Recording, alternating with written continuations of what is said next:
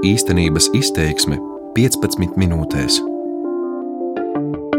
Valsts kontroles jaunākais revīzijas ziņojums skaļi pasaka to, kas zināms ir bijis jau daudzus gadus. Proti, ka tūkstošiem Latvijas iedzīvotāju nākas mitināties pašvaldību apsaimniekotos daudz dzīvokļu namos, kas ir bīstami veselībai un pat dzīvībai. Revidenti, pabijuši desmit pašvaldībās, atklāja vairākus problēmu aspektus. Pirmkārt, ļoti daudz dzīvokļu īpašnieki 30 gadu pēc privatizācijas ar vienu nesaprot vai izlieks nesaprotam, ka viņiem pieder ne tikai miteklis, bet daļai arī visa māja, ar tam sekojošu atbildību par tās stāvokli. Otrkārt, pašvaldības nespēja vai negrib tikt galā ar pienākumu kontrolēt ēku drošumu un piedalīties briesmu novēršanā bet treškārt arī valsts, lai gan radījusi virkni normatīvu, līdz šim ir visai vienaldzīgi izturējusies pret problēmu, ka dzīvojamais fonds ir krīzes priekšvakarā. Mans vārds ir Edgars Kupčs, un šajā īstenības izteiksmē klausieties par valsts kontrolas revidentu atklāto un to, kā gadu desmitiem ielaistās problēmas risināt. Mūsu valstī ir aptuveni viens miljons dzīvokļu, kas veido 70% no visa dzīvojamā fonda.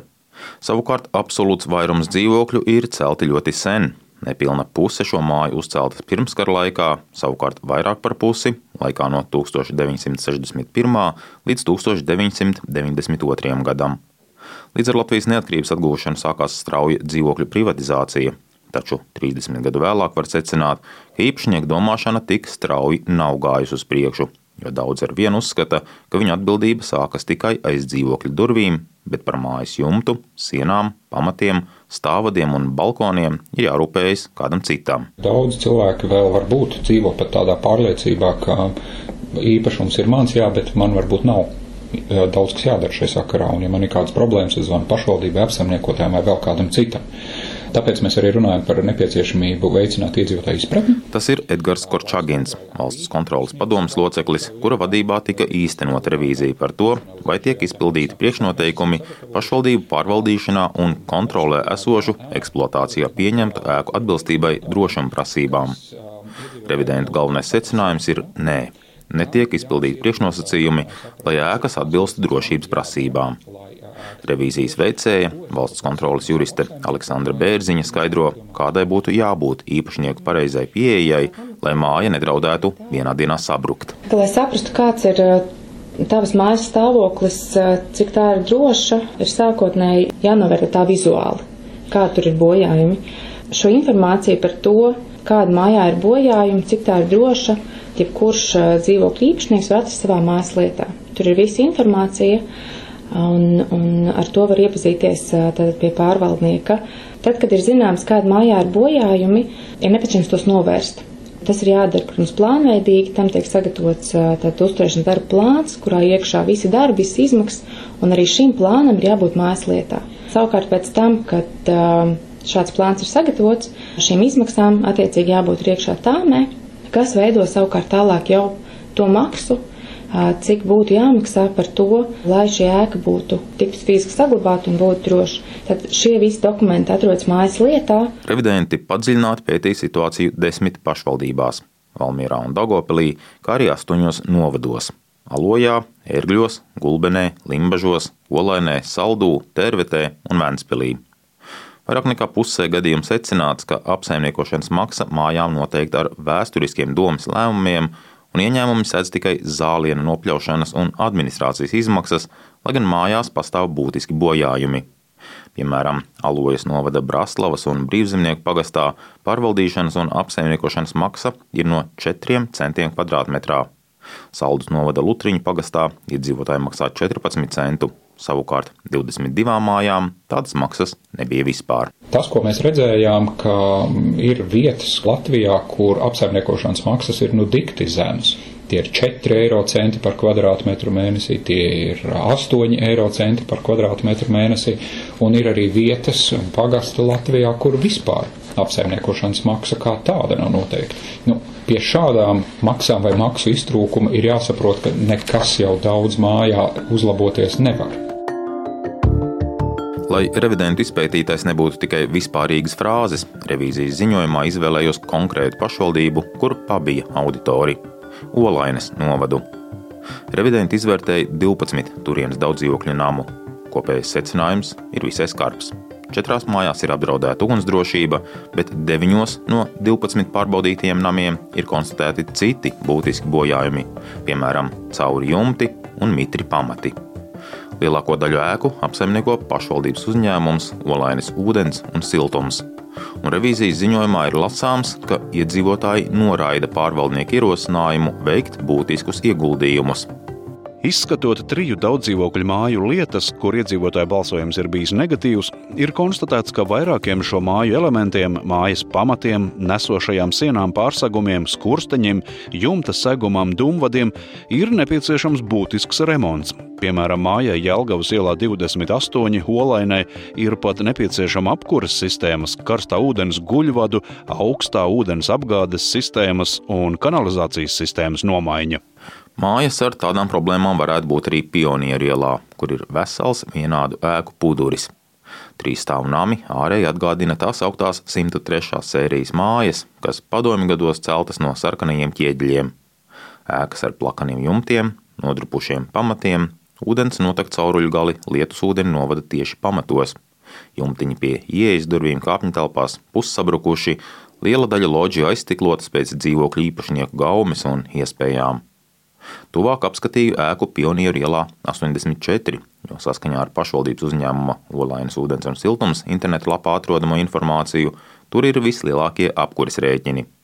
Novembra dati rāda, ka šajā mājā par 1 kvadrātmetru apsildi iedzīvotājiem bijis jāmaksā 1,42 eiro, kamēr renovētajās mājās Olainas iedzīvotāji maksā 27 centus par kvadrātmetru apkuri.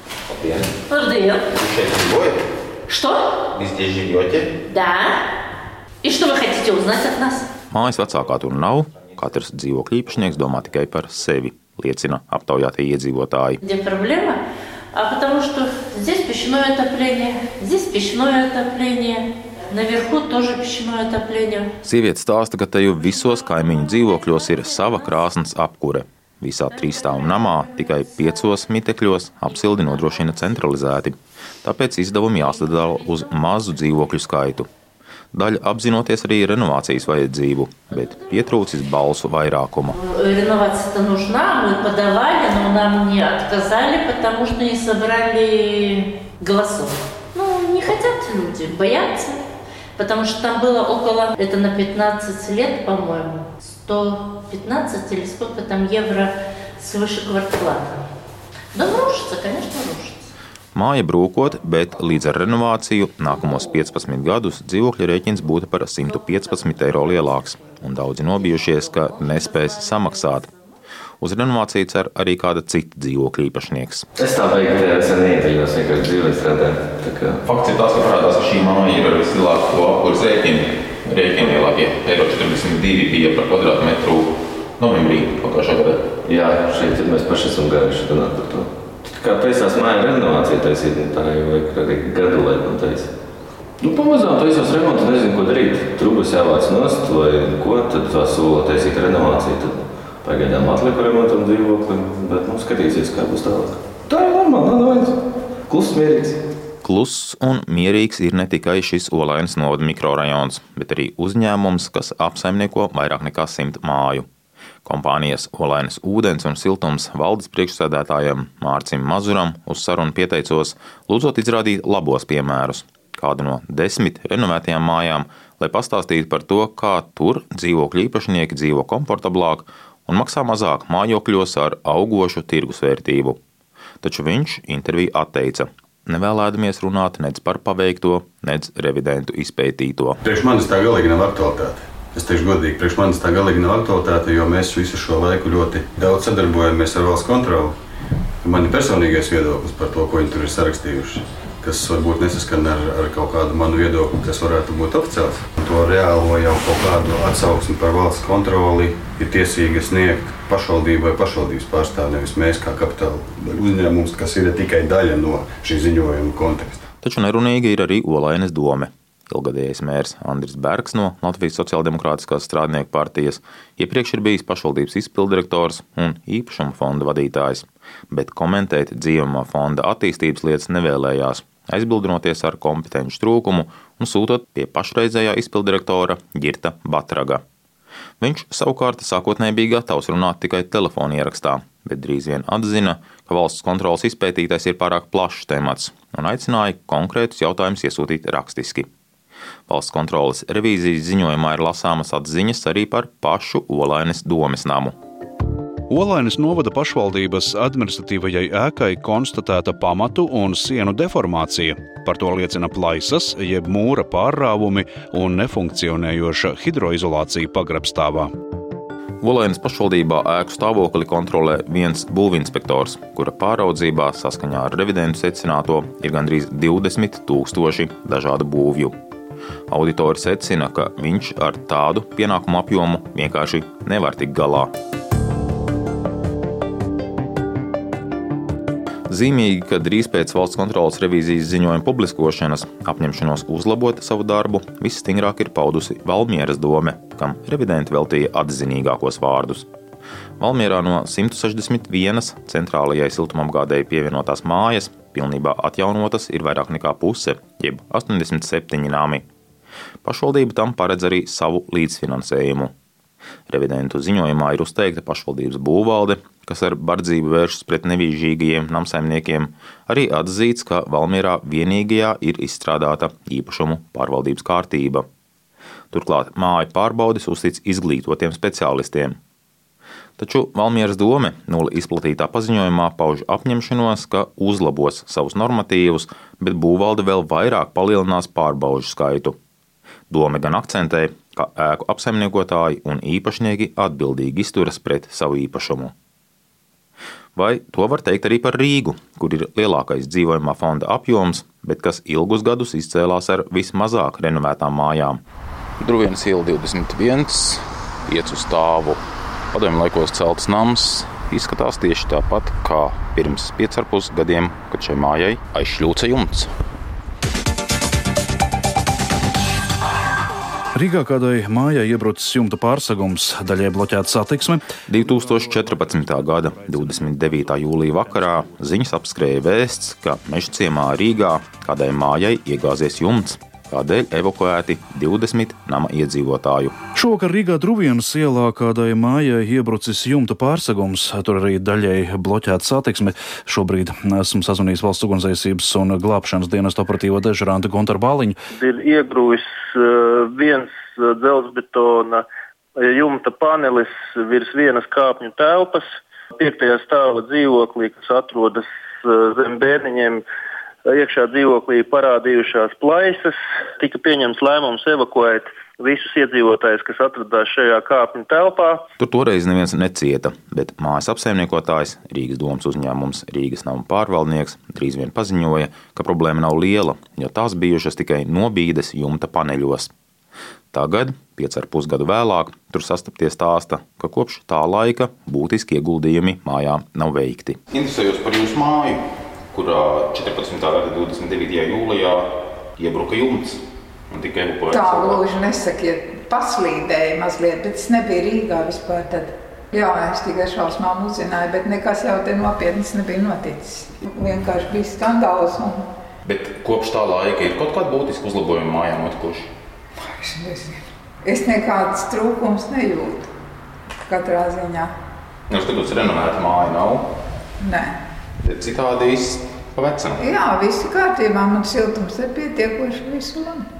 Mājai kaut kādi lieli ieguldījumi nav bijuši. It kā nav, varbūt kaut kas pagrabā tur ar komunikācijām, es nezinu. Par dzīvojamo fondu un tā nākotni politiski Rīgā atbild mājokļu un vides komiteja kuras priekšsēdētājs ir Vjačeslavs Stepaņenko, nav gods kalpot Rīgai. Citiem vārdiem, tu gribi pateikt, ka es šobrīd esmu atbildīgs par to, ka padomju laikos un pirms tam vēl izbūvētais dzīvojamais fonds valsts kontrolas skatījumā neatbilst noteiktam robežu lielumam. Un šobrīd ir atrasts beigās ir tas vainīgais, jā, kurš visu ir novedis līdz grīstei. Nē, tā nav. Tam es nepiekritīšu nekādā gadījumā, jo pirmkārt, kam tad pieder tas fonds? Mums faktiski lielākais īpašnieks šobrīd ir privātpersonas un organizācijas, juridiskas personas. Bet Rīga ir gatava tam, ka sāks gāzties tās mājas. Atkal, atkal, atkal, atkal, atkal. Nu, protams, nu, jūs uzdodot retorisku jautājumu. Neviens nav gatavs tam, kad mājas gāžās.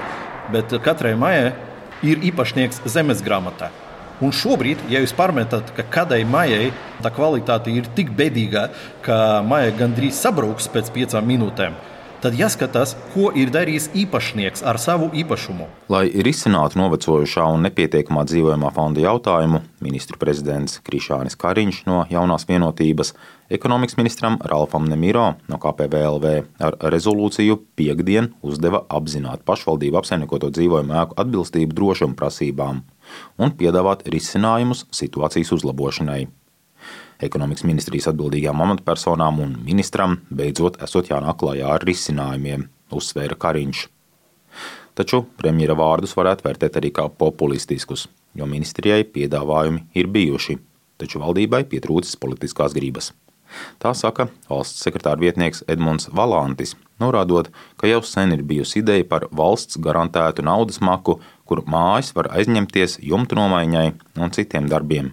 Ministrija jau vairākus gadus pēc kārtas eh, jaunās politikas iniciatīvās šādu finansējumu prasījis. Nu, diemžēl, nu, apzinoties to situāciju, kāda ir ar valsts uh, budžetu, nu, mēs neesam nu, guvuši valdības atbalstu līdz šim. Cik prasījāt, cik mājām tas palīdzētu? Tas bija apmēram 6 miljoni eiro, bet uh, saprotot. Tas bija domāts, ka tā būtu garantija komercbankām, tad, lai viņiem mazinātu šos riskus un no, aizdot uh, līdzekļus.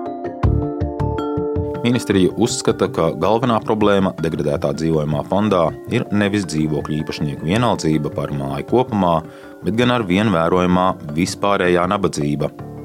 Pavasarī sāksies diskusija par nākamā gada budžetu bet ekonomikas ministrija cer, ka politisku vienošanos tādiem tēriņiem varētu panākt vēl šim gadam.